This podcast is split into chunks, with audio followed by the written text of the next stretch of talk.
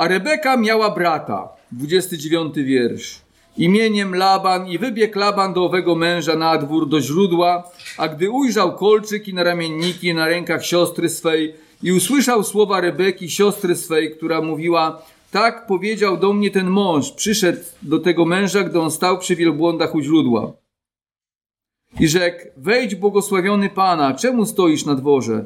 Wszak ja wysprzątałem dom i jest miejsce i dla wielbłądów. Potem wprowadził męża tego do domu, rozsiodłał wielbłądy i dał słomy i paszy wielbłądom i wody do umycia nóg jego i nóg ludzi, którzy z nim byli. Następnie podano mu jedzenie, ale on rzekł, nie będę jadł, dopóki nie przedłożę sprawy mojej. I powiedzieli mów. Na to on rzekł, jestem sługą Abrahama. Pan udzielił Panu mojemu obfitego błogosławieństwa, także stał się zamożnym. Dał mu bowiem owce i bydło, srebro i złoto, niewolników i niewolnice, wielbłądy i osły. A Sara, żona Pana mojego, urodziła już w sędziwym wieku Panu mojemu syna, któremu oddał całe swoje mienie. I zaprzysiągł mnie Pan mój, mówiąc, nie weźmiesz żony dla syna mego z córek Kananejczyków, w, który, w których kraju mieszkam, ale pójdziesz do domu ojca mego i do rodziny mojej i weźmiesz żonę dla syna mojego. Wtedy rzekłem do Pana mojego, a jeśli nie zechce ta kobieta pójść ze mną, a on mi odpowiedział, Pan, w którego społeczności trwam, pośle anioła swego z Tobą i poszczęści drodze Twojej i weźmiesz żonę dla syna mojego z rodziny mojej i z domu ojca mojego. Będziesz zwolniony od złożonej mi przysięgi wtedy, gdy przybędziesz do rodziny mojej i oni ci jej nie dadzą. Wtedy będziesz zwolniony od złożonej mi przysięgi. Gdy przybyłem dziś do źródła, rzekłem, Panie Boże, Pana mojego Abrahama, jeśli Ty chcesz poszczęścić drodze mojej, po której kroczę, to niechaj, gdy stanę u źródła wód, dziewczyna, która wyjdzie czerpać wodę, a której powiem, daj mi proszę napić się trochę wody z twojego dzbana, a ona mi powie, napij się, a również dla wielbłądów twoich naczerpie wody, będzie żoną, którą przeznaczyłeś dla syna pana mojego. Zanim przestałem się modlić w sercu swym, pojawiła się dzbanem na swym ramieniu Rebeka i zeszła do źródła i naczerpała wody, a ja rzekłem do niej, daj mi proszę napić się. Ona śpiesznie zdjęła swój dzban z siebie i rzekła, pij, i wielbłądy twoje też napoję. I napoiłem się, a ona napoiła także wielbłądy. Wtedy zapytałem jej i rzekłem, czyją córką jesteś? A ona odpowiedziała, jestem córką Betula, syna Nachora, którego mu urodziła Milka. Wtedy włożyłem kolczyk w jej nozdrza i na ramienniki na jej ręce. Potem padłem na kolana i oddałem pokłon Panu i błogosławiłem Panu, Bogu Pana mojego Abrahama, który mię prowadził drogą właściwą, abym wziął córkę brata Pana mojego dla syna jego. Jeśli więc teraz chcecie wyświadczyć łaskę i wierność Panu mojemu, powiedzcie mi, a jeśli nie, to też mi powiedzcie, abym zwrócił się na prawo albo na lewo. Wtedy odpowiedzi, odpowiedzieli Laban i Betuel, od Pana ta rzecz wyszła, dlatego nie możemy do tego nic dodać ale oto Rebeka przed tobą, weź ją i idź, a niech będzie żoną syna pana twego, jak rzekł Pan. Gdy tedy sługa Abrahama usłyszał słowa ich, oddał Panu pokłon aż do ziemi. I wyjął sługa klejnoty srebrne i klejnoty złote i szaty i dał je Rebece. Dał też kosztowne upominki jej bratu i matce. Potem jedli i pili, on i ludzie, którzy z nim byli i przenocowali. A gdy wstali rano, rzekł: Pozwólcie mi odejść do pana mojego. Ale brat jej i matka jej rzekli: Niech zostanie dziewczyna z nami jeszcze kilka albo dziesięć dni, a potem pójdziesz. Lecz on rzekł do nich: Nie zatrzymujcie mnie. Skoro pan poszczęścił drodze mojej, puśćcie mnie, abym poszedł do pana mojego. Rzekli więc: Zawołamy dziewczynę i zapytamy jej, co powie. Zawołali tedy Rebekę i zapytali jej: Czy chcesz pójść z tym mężem? A ona powiedziała: Pójdę.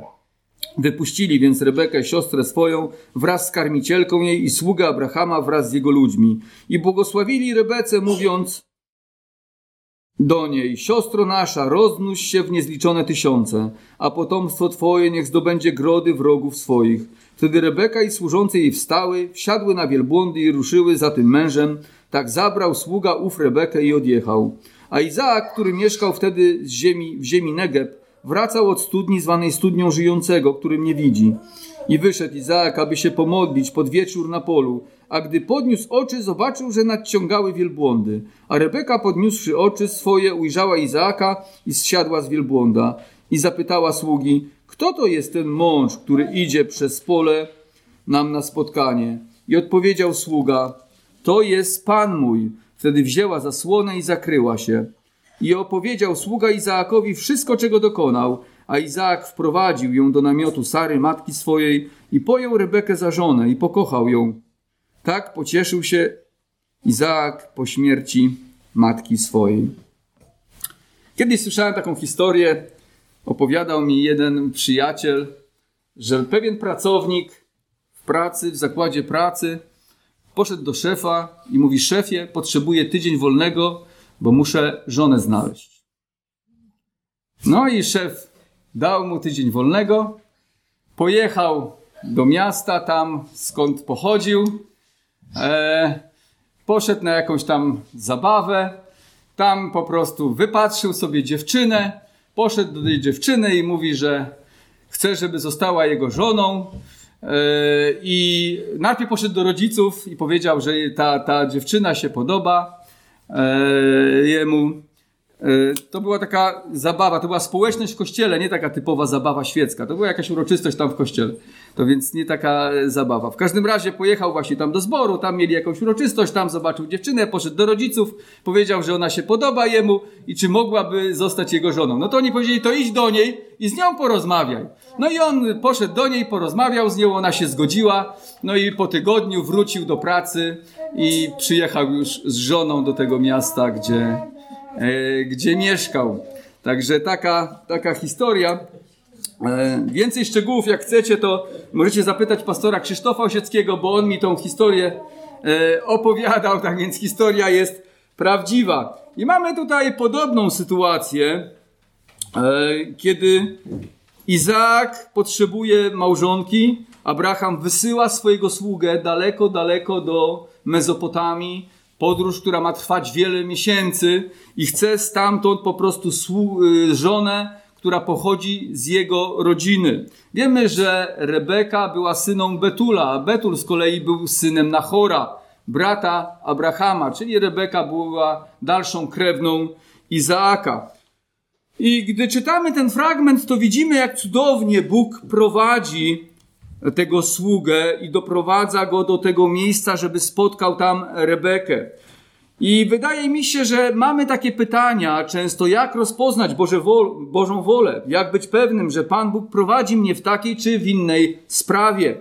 Pytanie to zadajemy dość często w naszym chodzeniu z Bogiem.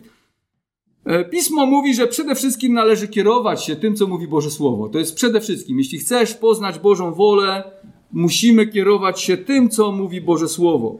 Uznajemy Biblię jako natchnioną przez Boga. W niej Bóg zawarł wskazówki, jak należy wierzyć, postępować, by Jemu się podobać. Apostoł Paweł w liście do Tymoteusza mówi, że całe pismo, tak, trzeci rozdział pewnie pamiętamy, na pamięć, dobrze znacie właśnie Słowo Boże na, na pamięć, uczyć się go na pamięć, przypominać go sobie, bo jak to ja mówię czasami, pamięć mam dobrą, ale krótką. To więc jak se nie przypominam, to to słowo gdzieś ulatuje. Że całe pismo przez Boga jest natchnione i pożyteczne do nauki, do wykrywania błędów, do poprawy, do wychowywania w sprawiedliwości, aby człowiek Boży był doskonały, do wszelkiego dobrego dzieła przygotowany. No więc mamy się kierować Słowem Bożym, jeśli chcemy poznać Bożą wolę w naszym życiu.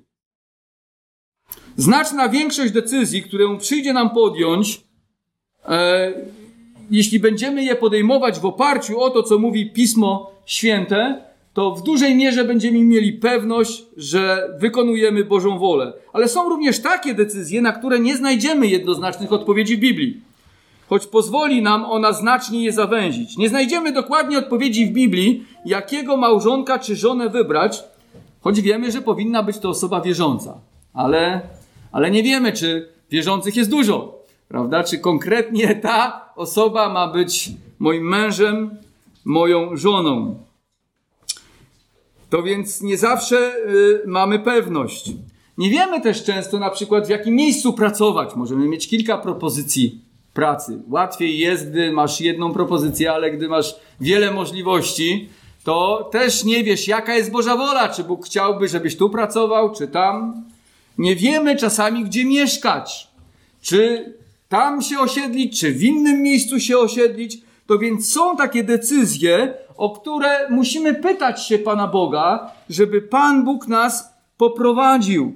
Ja wierzę, że gdy jesteśmy posłuszni objawionej Bożej woli, czyli tą, którą mamy w Biblii, jesteśmy szczerzy wobec Boga i pragniemy wykonywać Bożą wolę, i wtedy, kiedy mamy takie sprawy, jak jaką żonę wybrać, jaką szkołę wybrać, gdzie się osiedlić, gdzie dom postawić, ja wierzę, że Bóg, jeśli powierzymy Mu również i te sprawy, nas poprowadzi. Czyli jeśli pomodlimy się do Niego, chodzimy z Nim i mówimy, Panie, ja potrzebuję, żebyś wskazał mi, czy ja mam iść do tej pracy, czy do tamtej, czy się osiedlić w tym mieście, czy w innym. I głęboko pragniemy służyć Bogu w szczerości, to wierzę, że Bóg nas poprowadzi, nie zostawi nas e, w, e, w jakiejś takiej niepewności. I widzimy, że On poprowadził sługę Abrahama. W szczegółach naszego życia należy zaufać Panu i pozwolić się Mu prowadzić, jak uczynił to właśnie człowiek, którego Abraham posłał, szukając żony dla Izaaka. Widzieliśmy też ostatnio w poprzednim kazaniu odnośnie tego fragmentu, że ten sługa modlił się i prosił Boga, aby Bóg mu szczęścił. Zobaczmy w dwunastym wierszu 24 rozdziału. I rzekł, Panie Boże, Pana mojego Abrahama, poszczęść mi dziś i okaż łaskę Panu mojemu Abrahamowi. Następnie czekał i obserwował okoliczności, w jakich się znalazł, próbując rozpoznać, czy Bóg odpowiada na modlitwę. Niestety niektórzy chrześcijanie pomodlą się, ale w ogóle nie czekają na to, co Pan ma dla nich. I tak robią po swojemu. Panie Boże, poprowadź mnie, żeby do takiej czy innej pracy, ale nie zastanawiają się, czy coś, co Bóg, co, coś, co się pojawia na drogach ich życia, czy pochodzi od Pana Boga. A on próbował rozpoznać, czy to, co Bóg czyni, to rzeczywiście Bóg, czy tylko jakieś takie zwykłe okoliczności. A gdy uznał, że pojawienie się Rebeki jest Bożą odpowiedzią, to też podziękował Bogu. I ostatnio rozważając fragment 24 rozdziału do 28 wiersza, powiedzieliśmy sobie o trzech rzeczach, że jeśli chcemy poznać Bożą wolę, należy być oddanym Bożym celom i Bożym planom, bo Bóg nie jest zainteresowany odkrywaniem swojej woli ludziom, którzy nie chcą Mu służyć. No po prostu tak jest. Pan mógłby to zrobić, ale nie jest zainteresowany tym, żeby prowadzić kogoś, kto go nie kocha, kto, go nie, kto mu nie chce służyć, kogo nie obchodzi Boża wola. Mówiliśmy również o kilku ważnych biblijnych zasadach poszukiwania współmałżonka, a także zajęliśmy się kwestią opatrzności Bożej, mówiąc o tym, że Bóg tak układa okoliczności w życia wszystkich stworzeń, że zawsze wypełni się Jego wola. Wiedząc o tym, jeszcze bardziej powinniśmy poddać się Panu, by mógł nas poprowadzić. Teraz przechodzimy do rozważenia dalszej części 24 rozdziału. Gdy sługa Abrahama dowiedział się, że Rebeka jest krewną Izaaka, zrozumiał, że Bóg w cudowny sposób doprowadził go do tego miejsca.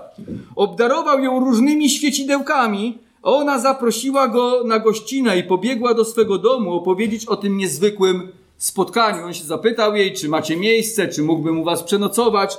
E, I ona mówiła, że tak. Jednym z, z, naj- z najbardziej poruszonych domowników Rebeki jest kto? Laban. Laban. Kojarzymy tego człowieka. On był poruszony całą tą sytuacją. Wygląda na to, że Laban w swoim entuzjazmie nie tyle kieruje się gościnnością, co własnym interesem. Prawdopodobnie to biżuteria spowodowała, że Laban jest tak przychylny wobec sługi Abrahama. Zobaczmy na 30 wiersz. A gdy ujrzał kolczyki na ramienniki na rękach siostry swojej i już usłyszał słowa Rebeki, siostry swej, która mówiła, tak powiedział do mnie ten mąż, przyszedł do tego męża, gdy on stał przy wielbłądach u źródła i rzekł, wejdź błogosławiony Pana, czemu stoisz na dworze? Wszak ja wysprzątałem dom i jest miejsce dla wielbłądów. To więc ten entuzjazm prawdopodobnie wynikał z tego, że ujrzał kolczyk, prawda? Złoty, jakieś naramienniki, jakąś biżuterię. Zobaczył, że to jakiś bardzo zamożny człowiek przybył.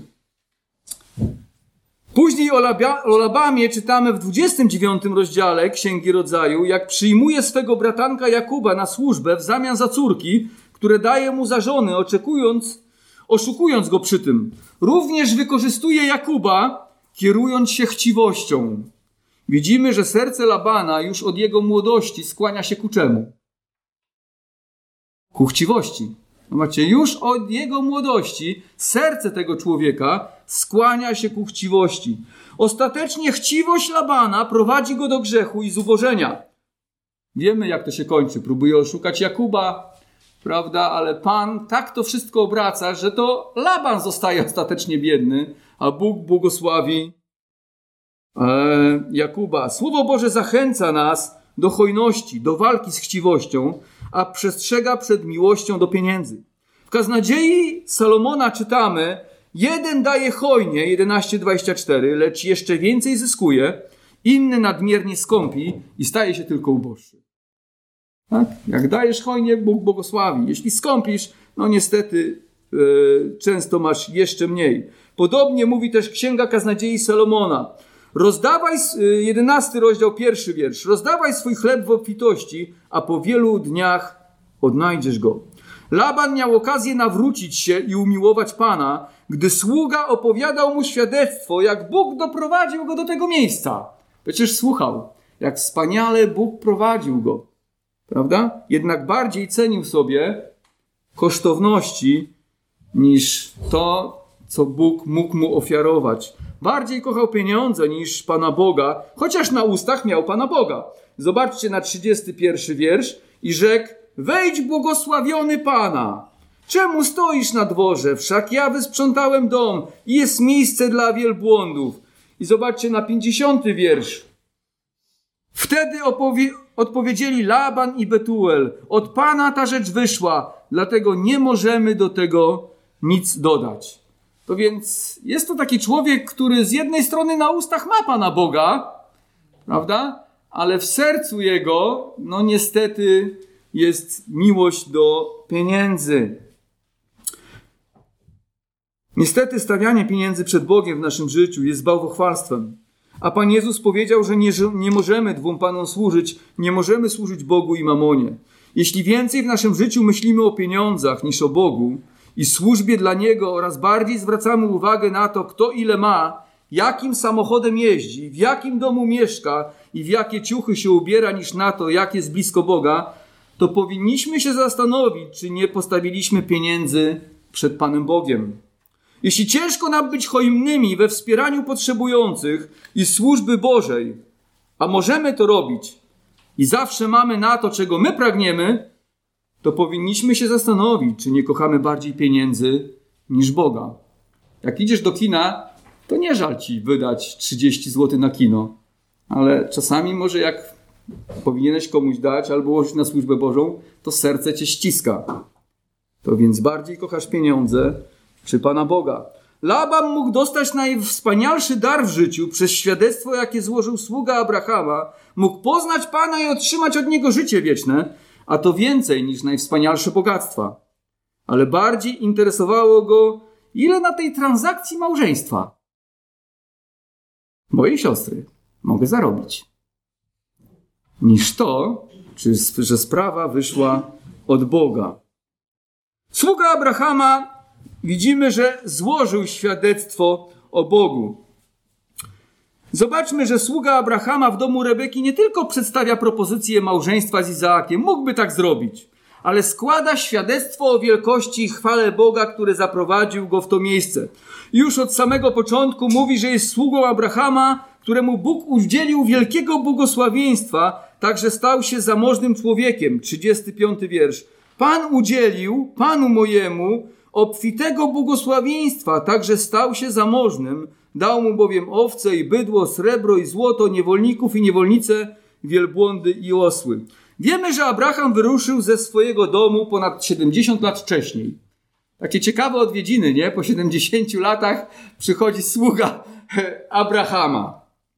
Rodzina, którą zostawił, z pewnością zastanawiała się, jak się mu powodzi, co się z nim dzieje. Być może niektórzy go powstrzymywali i mówili, żeby nie szedł tam w taką daleką podróż, bo przecież nie wiadomo, jak skończy się to jego życie. Może napadną go jacyś zbójnicy, może niczego się nie dorobi, a obietnice, które ma, to nie wiadomo, czy są prawdziwe, czy nie, no bo przecież nie znali tego Boga, którego poznał Abraham. To więc mogli go odwodzić od tego. A teraz dowiadują się, że przyrzeczenia, jakie złożył mu Pan, spełniły się. Bóg uczynił Abrahama zamożnym człowiekiem i dał mu również syna w jego starości.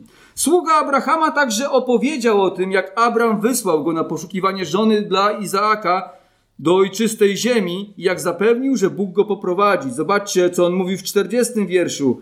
A on mi odpowiedział, Pan, w którego społeczności trwam, pośle anioła swego z tobą i poszczęści drodze twojej i weźmiesz żonę dla syna mojego z rodziny mojej i z domu ojca mojego. Następnie opowiedział, jak się modlił i o co prosił Boga i jak mu Pan odpowiedział na modlitwę. 42 wiersz. Gdy przybyłem dziś do źródła, rzekłem, Panie Boże, Pana mojego Abrahama, jeśli Ty chcesz poszczęścić drodze mojej, po której kroczę, i 48, Potem padłem na kolana i oddałem pokłon Panu i błogosławiłem Panu Bogu, Pana mojego Abrahama, który mnie prowadził drogą właściwą, abym wziął córkę brata Pana mojego dla syna jego. To więc on z wielkimi szczegółami tam przed tą rodziną opowiada, jak Bóg go prowadził. Mógłby pominąć te wszystkie szczegóły. Mógłby tylko powiedzieć, że słuchajcie, mam Pana Abrahama, yy, prawda? On jest bardzo bogatym i zamożnym człowiekiem, jest wielkim Panem, czy chcielibyście oddać swoją córkę dla niego? Ale nie. On ze szczegółami opowiedział o tym, jak wspaniale Bóg go prowadzi. Mamy tutaj przykład składania wyraźnego i odważnego świadectwa o żywym Bogu. Sługa Abrahama sam był wierzący, sam był oddany Panu i mógłby pominąć to, co się, yy, jakieś osobiste modlitwy, czy to, jak dziękował Panu. Jednak zależało mu na tym, by imię Pana było wywyższone w powodzeniu całej sprawy. Świadectwo jego było na tyle przekonujące, że gdy rodzina Rebeki usłyszała o wszystkim, to zobaczcie, co oni powiedzieli. Wtedy odpowiedzieli Laban i Betuel: Od Pana ta rzecz wyszła, dlatego nie możemy do tego nic dodać. Czyli w taki sposób opowiadał to świadectwo, że oni zrozumieli, że to od Pana Boga wyszło. Tak? że to nie pomysł Abrahama. Zobaczmy, że on nie wstydził się Boga, nie przypisywał sobie zasług za powodzenie sprawy, ale wyraźnie i zdecydowanie kierował uwagę rodziny Rebeki na Pana, mówiąc o Bożym działaniu w swoim życiu. Sługa Abrahama jest dla nas wspaniałym przykładem, jak należy kierować uwagę ludzi na Boga w naszym życiu. Gdy opowiadamy innym o, nasze, o naszym życiu, na przykład ktoś się nas pyta, co tam u ciebie słychać? Co tam u ciebie się dzieje? To co opowiadamy temu człowiekowi? A, nowy samochód kupiłem. E? Dom pobudowałem. Przeprowadziłem się w nowe miejsce. No fajnie. Ale czy wspomniałeś Pana, że to Pan doprowadził cię do tego miejsca, że Pan ci pobłogosławił, że Pan sprawił, że kupiłeś dom, postawiłeś dom, nowy samochód, skończyłeś nową szkołę, zdobyłeś dodatkowe doświadczenie. Czy mamy odwagę powiedzieć, że to Pan Jezus nas prowadzi, że to Pan Jezus odpowiada na nasze modlitwy, że to za naszymi sukcesami stoi Pan? A skąd u Ciebie jest tyle entuzjazmu, pokoju ducha, uśmiechu? Przecież wojna jest. Bo Pan mnie wspiera. Czy mamy odwagę to powiedzieć? Bo możemy też powiedzieć, a ja mam taki charakter, że się nie przejmuję. Ale zobaczmy, że sługa Abrahama mówił, że to Pan mu błogosławił. Czy mamy odwagę powiedzieć, że to Pan stoi za naszymi sukcesami, że prowadzi nas przez Ducha Świętego? I to On wkłada nadzieję i radość w nasze serca. Czy mamy im odwagę powiedzieć, jak wielkie rzeczy uczynił nam Pan, darując nam nasze grzechy i obdarzając nas życiem wiecznym? Czy zwracamy uwagę, gdy innym opowiadamy o naszym życiu, żeby było uwielbione imię Pana? Bo ludzie często pytają się nas o, o to, co się u nas dzieje. No chyba, że już im trzy razy opowiedziałeś, to się nie pytają, bo się boją, że czwarty raz im opowiesz. o Panu Jezusie to lepiej się nie pytać. Prawda? Ale jeśli się pytają, to mamy im okazję powiedzieć i zwrócić uwagę na naszego Pana. Możemy mówić innym o naszym powodzeniu w różnych sprawach, jak zdobyliśmy kolejne kwalifikacje, jak udało nam się pokonać jakieś problemy, jakąś chorobę, uporać się z trudnymi sprawami, ocalić życie w wypadku, zdobyć dobrą pracę, otrzymać awans, ale czy w naszym opowiadaniu jest miejsce dla Boga? Tak jak było w opowiadaniu sługi Abrahama. Czy mamy odwagę powiedzieć, że te wszystkie powodzenia, które stały się naszym udziałem, zostały nam darowane od Pana? Czy mamy odwagę powiedzieć, dlaczego możemy mieć pokój w sercu pomimo wojny? Skąd bierzemy codziennie siłę, żeby się uśmiechać, błogosławić naszym wrogom, żyć nadzieją pomimo zagrożenia? W Rzymian 1,16 pewnie znamy na pamięć ten wiersz, a może nie, albowiem nie wstydzę się Ewangelii Chrystusowej, powiedział apostoł Paweł. Jest ona bowiem mocą Bożą ku zbawieniu każdego, kto wierzy, najpierw Żyda, potem Greka. Bo usprawiedliwienie Boże w niej bywa objawione. Z wiary w wiarę, jak napisano, a sprawiedliwy z wiary żyć będzie. Czy ty wstydzisz się, czy się nie wstydzisz? Naszego Pana Jezusa Chrystusa. Apostoł Paweł mówi: Nie wstydzę się, bo jest to moc Boża. Ewangelia jest mocą Bożą, która zbawia nas z naszych grzechów. Dzisiaj mieliśmy okazję uczestniczyć w wieczerzy pańskiej. Mówiliśmy, jakie to jest wspaniałe i cudowne. Niech cały świat się o tym dowie w naszym życiu. Za każdym razem, gdy pytają cię, co u ciebie słychać, powiedz im, że za twoimi sukcesami stoi nasz Pan. Nie wstydź się Ewangelii naszego Pana, nie milcz, gdy masz okazję powiedzieć, że Bóg coś wspaniałego uczynił w Twoim życiu. Pamiętaj, że słowa Ewangelii są jedynymi słowami pod niebem, przez które ludzie mogą dostąpić przebaczenia i życia wiecznego. Bo jak mówi Paweł, że to proste przesłanie Jezusie jest mocą Boga. Psalm 40, wiersz 11 mówi: Nie ukrywałem w sercu moim sprawiedliwości Twojej, opowiadałem o wierności Twojej i zbawieniu Twoim, nie zataiłem łaski i wierności Twojej wobec wielkiego zgromadzenia. Łatwo jest przyznać się do Pana Boga, gdy wszyscy jesteśmy tutaj wierzący i wszyscy jesteśmy na tak. Ale o wiele trudniej dać świadectwo Panu Bogu, kiedy jesteś w środowisku, gdzie większość, jeśli nie wszyscy, są na nie. I po prostu możesz narazić się na śmieszność. W Psalmie 71, wiersz 14, Dawid mówi: A ja zawsze będę miał nadzieję i będę pomnażał wszystką chwałę Twoją. Usta moje opowiadać będą sprawiedliwość Twoją po wszystkie dni zbawienie Twoje. Nie znam bowiem jego miary.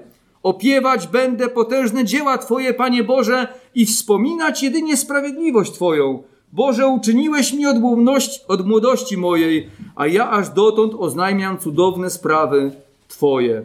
To też i do starości, gdy już siwy będę, nie opuszczaj mnie, Boże, aż opowiem o ramieniu Twoim temu pokoleniu, a wszystkim następnym o potędze Twojej.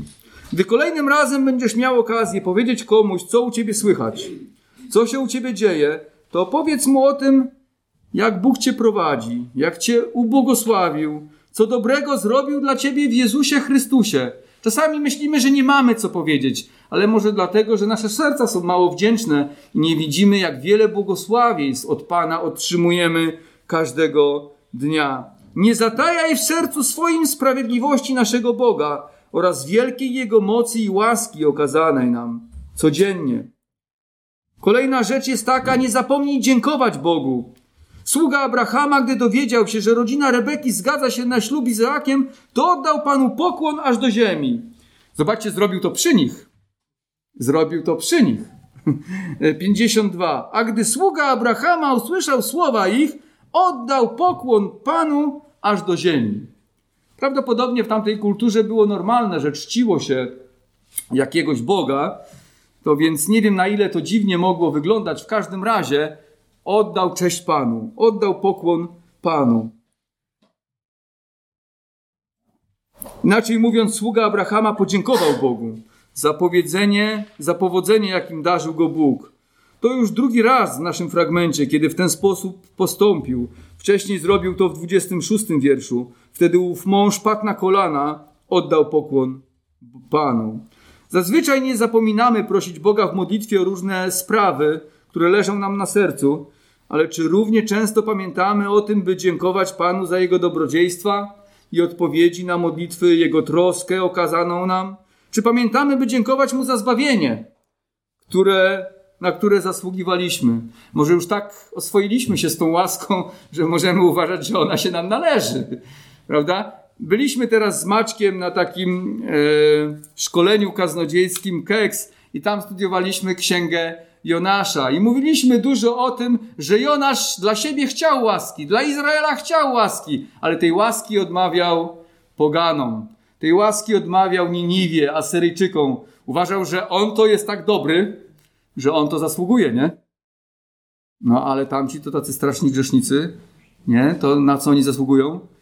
No na sąd, na karę, nie? Ja to jestem tak dobry, już tak się poprawiłem po tym, jak Pan Jezus mnie zbawił, nie? Że teraz to ja jestem tylko błogosławiony przez Pana i Pan musi mnie błogosławić zawsze. Ale ci grzesznicy, którzy nie znają Pana, to zasługują na karę. Sługa Abrahama dziękował Bogu cały czas.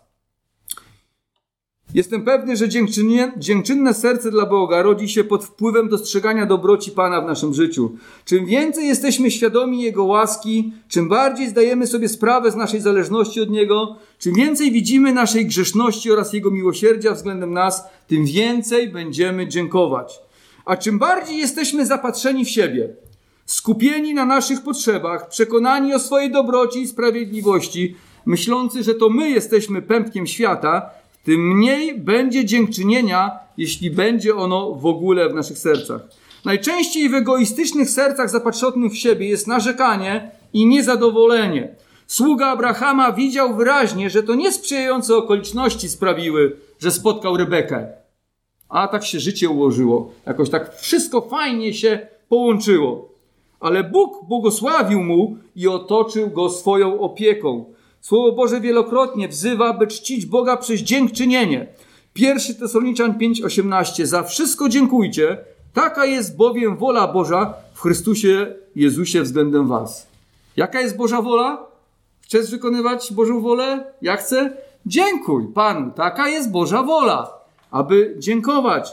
Podobnie w liście do Efezjan, dziękując za wszystko Bogu i Ojcu w imieniu Pana naszego Jezusa Chrystusa Nasz Bóg ma upodobanie w dziękczynnym sercu. Podoba mu się, gdy powstrzymujemy się od narzekania, a dziękujemy mu. W 1988 roku, może słyszeliście tą historię, polski kolejarz Jan Grzebski z Działdowa miał wypadek w pracy. A lekarze dawali mu kilka dni życia. Jednak Jan nie umarł, ale na 19 lat zapadł śpiączkę. Dzięki łasce Bożej i pod wpływem zabiegów rehabilitacyjnych pan Jan obudził się w 2007 roku. Po 19 latach. Ale obudził się w zupełnie nowym świecie. Komunizm upadł. Na... W kieszeniach pojawiły się telefony komórkowe, wszędzie piękne wystawy. Gdy zapadł w śpiączkę, Polska była krajem komunistycznym. W sklepach wtedy nic nie było, niemal nic nie było. Żywność była na kartki, a na stacjach benzynowych były ogromne kolejki. Jan po wybudzeniu i odzyskaniu sił nie mógł się nadziwić, że tyle towaru jest na każdej półce. Wszędzie. Że ludzie chodzą po ulicach z telefonami komórkowymi i rozmawiają. Wszystko niemal co widział było dla niego szokiem. Ale zauważył jeszcze coś, że mnóstwo tych ludzi, którzy żyją w takim dobrobycie, powiedział, że są ciągle jęczącymi. Mają dobrze i ciągle jęczą.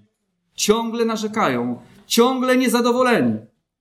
Mówi, że w jego czasach ludzie mieli niewiele, ale byli o wiele mniej narzekający niż wielu dzisiaj. Powiedział, to co mnie zdumiewa, że ci wszyscy ludzie, którzy chodzą ze swoimi telefonami komórkowymi, nigdy nie przestają narzekać. Jan zauważył, że za jego czasów ludzie więcej dziękowali, więcej wdzięczności mieli w sercu, chociaż mieli mniej. Prawda jest taka, że jeśli nie nauczymy się dziękować Bogu za to, co mamy, wkrótce staniemy się niewdzięczni za to, czego nie mamy. Tak jest. Jeśli nie nauczymy się dziękować za to, co mamy, Staniemy się niewdzięczni za to, czego nie mamy. Czy pamiętasz, by dziękować naszemu Panu za Jego dobrodziejstwa, za wszystko, co posiadasz? Czy pamiętasz, by oddać Mu cześć przez dziękczynienie, jak uczynił to sługa Abrahama? Choćby pokój w naszym kraju. Dotychczas tak oczywisty.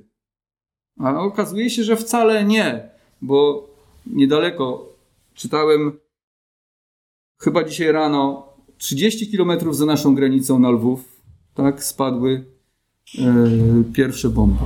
I, sam? Nie? No gdzieś tu blisko, prawda? Przy, przy Lwowie. Ale zobaczcie, jak blisko nas. Dziękujmy Bogu za to, kim Bóg jest i co dla nas czyni każdego dnia. Kolejna rzecz, nie ociągajmy się w zrobieniu tego, do czego Bóg nas powołuje. Zobaczmy, że rodzina Rebeki namawiała sługa Abrahama, by ten jeszcze pozostał u nich w domu jakiś czas i dopiero potem wyruszył w drogę. 55 wiersz. Ale brat i matka jego rzekli, niech zostanie dziewczyna z nami jeszcze kilka albo dziesięć dni, a potem pójdziesz. Prawdopodobnie chcieli się nacieszyć jeszcze Rebeką, odpowiednio ją pożegnać, mając świadomość, że być może nigdy już jej nie zobaczą. Ale sługa nie chce zostać, chce od razu wracać do swojego domu, do Abrahama i powiadomić go o powodzeniu misji. Dlaczego on nie chce zostać? On mówi, że skoro Bóg poszczęścił, skoro Bóg mu pobłogosławił i zrobił do czego był powołany, to nie może trzymać w niepewności Abrahama, który z pewnością czeka na finał tej historii. 56 wiersz. Lecz on rzekł do nich: Nie zatrzymujcie mnie, skoro Pan poszczęścił drodze mojej, puśćcie mnie, bym poszedł do Pana mojego. Zobaczmy, że on spieszył się do wypełnienia swoich obowiązków. Podobnie i my powinniśmy, nie powinniśmy ociągać się ze służbą dla Pana. Nie powinniśmy ociąg nie powinni ociągać się ci, których Pan Jezus powołuje w słowach: Przyjdźcie do mnie wszyscy, którzy utrudzeni jesteście, a ja was pokrzepię. Bóg pragnie zbawienia każdego człowieka, ale wzywa wszystkich obciążonych winą grzeszników. Dzisiaj brat Maciek powiedział, ile tych grzechów każdy z nas ma. Miał. Jeden, dwa, dziesięć, sto, tysiąc, pięćdziesiąt tysięcy, może więcej. Kiedyś ktoś policzył, że gdyby tylko trzy grzechy dziennie człowiek robił, tak, to przez kilkadziesiąt lat miałby 70 tysięcy grzechów. Tak? Oczywiście pewnie o wiele więcej każdy z nas popełnia grzechów. Ale zobaczcie, że Jezus wzywa nas, abyśmy z naszym obciążeniem grzesznika przyszli do Niego. Ale niestety wielu zwleka i ociąga się. Na wszystko mają czas, ale nie mają czasu dla Zbawiciela. Niestety, jeśli się nie upamiętają, to zginą na wieki. Nie ociągajmy się również w służbie dla Pana, gdy jesteśmy już zbawieni. Tak jak Abraham swemu słudze zlecił misję znalezienia żony dla Izaaka, tak również nasz Pan Jezus Chrystus zlecił nam misję. Zlecił nam pracę, by iść do świata z Jego Ewangelią, a także by budować Jego Kościół przez miłość wzajemną wyrażoną w służbie sobie nawzajem. Otrzymujemy również od Pana indywidualne powołanie do konkretnych zadań, o które mamy się troszczyć i które mamy wypełniać, jak na przykład nasze obowiązki w zborze, albo Bóg kładzie coś nam na serce, co należy zrobić. Ale może ciągle coś powstrzymuje nas przed służbą Abrahamowi. Co powstrzymywało tego sługę? Chciało go powstrzymać. Rodzina Rebeki, prawda? Dla nas może być to również rodzina fizyczna. Ona również może chcieć nas powstrzymać przed służbą dla Pana. Może być to nadmiar rozrywki, przez który nie mamy czasu, by angażować się w służbę. Może zbyt wiele pracujemy zawodowo, a może boimy się i powstrzymuje nas strach. Niektórzy nie angażują się w Bożą służbę, bo im się nie chce. Wolą myśleć o swoich sprawach, a nie Jezusa Chrystusa. Jednak praca dla Pana to nasz przywilej. Apostoł Paweł w liście do Rzymian mówi: Miłością braterską jedni drugich miłujcie, Wyprzedzajcie się wzajemnie w okazywaniu szacunku, w gorliwości nie ustawając, płomienni duchem Panu służcie. Od chwili naszego powołania służba dla Pana to jest całe nasze życie. Jak śpiewamy w jednej pieśni Ojca Dom. Nie wiem, czy pamiętacie, ale jest taka pieśń. Janusz Bigda ją śpiewa i ten tekst tej pieśni leci tak. Cóż na ziemi robić mam? Po nawróceniu oczywiście. Będę modlił się do Ciebie, będę myślał wciąż o Tobie, Jezu, Chcę, tak jak drzewo, owoc dać. Owoc miły Tobie, Panie, by uwielbić Twoje imię. Cóż na ziemi robić mam? Jako chrześcijanin chcę uwielbiać Boże imię. I ostatnia rzecz w naszym fragmencie jest taka, że przyjmij Boży dar, jakim jest Twój współmałżonek i kochaj go. Przyjmij Boży dar, jakim jest Twój współmałżonek i kochaj go. Abraham, e, sługa Abrahama przyszedł z Rebeką, tak? No i Izaak zobaczył ich, gdy oni się zbliżają. Okazało się, że to jest jego przyszła żona. I czytamy w 67 wierszu, a Izaak wprowadził ją do namiotu Sary, matki swojej, i pojął Rebekę za żonę i pokochał ją. Tak pocieszył się Izaak po śmierci matki swojej. Znowu widzimy, jak Bóg działa przez swoją cudowną opatrzność. Abraham jest na, e, Izaak jest na modlitwie. Prawda? No i widzi, że zbliża się Rebeka. O co on mógł się tam modlić? Jak myślicie? O co on mógł się modlić, będąc wieczorem na tej modlitwie? No już kilka miesięcy prawdopodobnie minęło. Wciąż ten sługa nie wraca. Myślę, że modlił się o żonę. Panie Boże, żeby ten sługa już wrócił z tą żoną dla mnie. Myślę, że to był jeden z tematów modlitwy. A tutaj widzi, że właśnie wielbłądy się zbliżają i że ten sługa się pojawia. Co mógł sobie pomyśleć? No, że Pan Bóg błogosławi. Prawda? Że Pan Bóg odpowiada na jego modlitwy. Oznacza to, oznaczało to, że Rebeka jest tą kobietą, jaką Bóg dla Izaaka przeznaczył. I on powinien wziąć ją za żonę, co też uczynił, a następnie ją pokochał. Zobaczmy, że miłość w małżeństwie Izaaka pojawiła się po ślubie, a nie przed ślubem. Zwróciliście na to uwagę? A Izaak wprowadził ją do namiotu Sary, matki swojej, i pojął Rebekę za żonę i pokochał ją. Tak pocieszył się po śmierci matki swojej. Pojął Rebekę za żonę najpierw, a później ją pokochał. Nie najpierw ją pokochał, a później pojął ją za żonę. Czy nie przypomina wam to czegoś odwrotnego dzisiaj?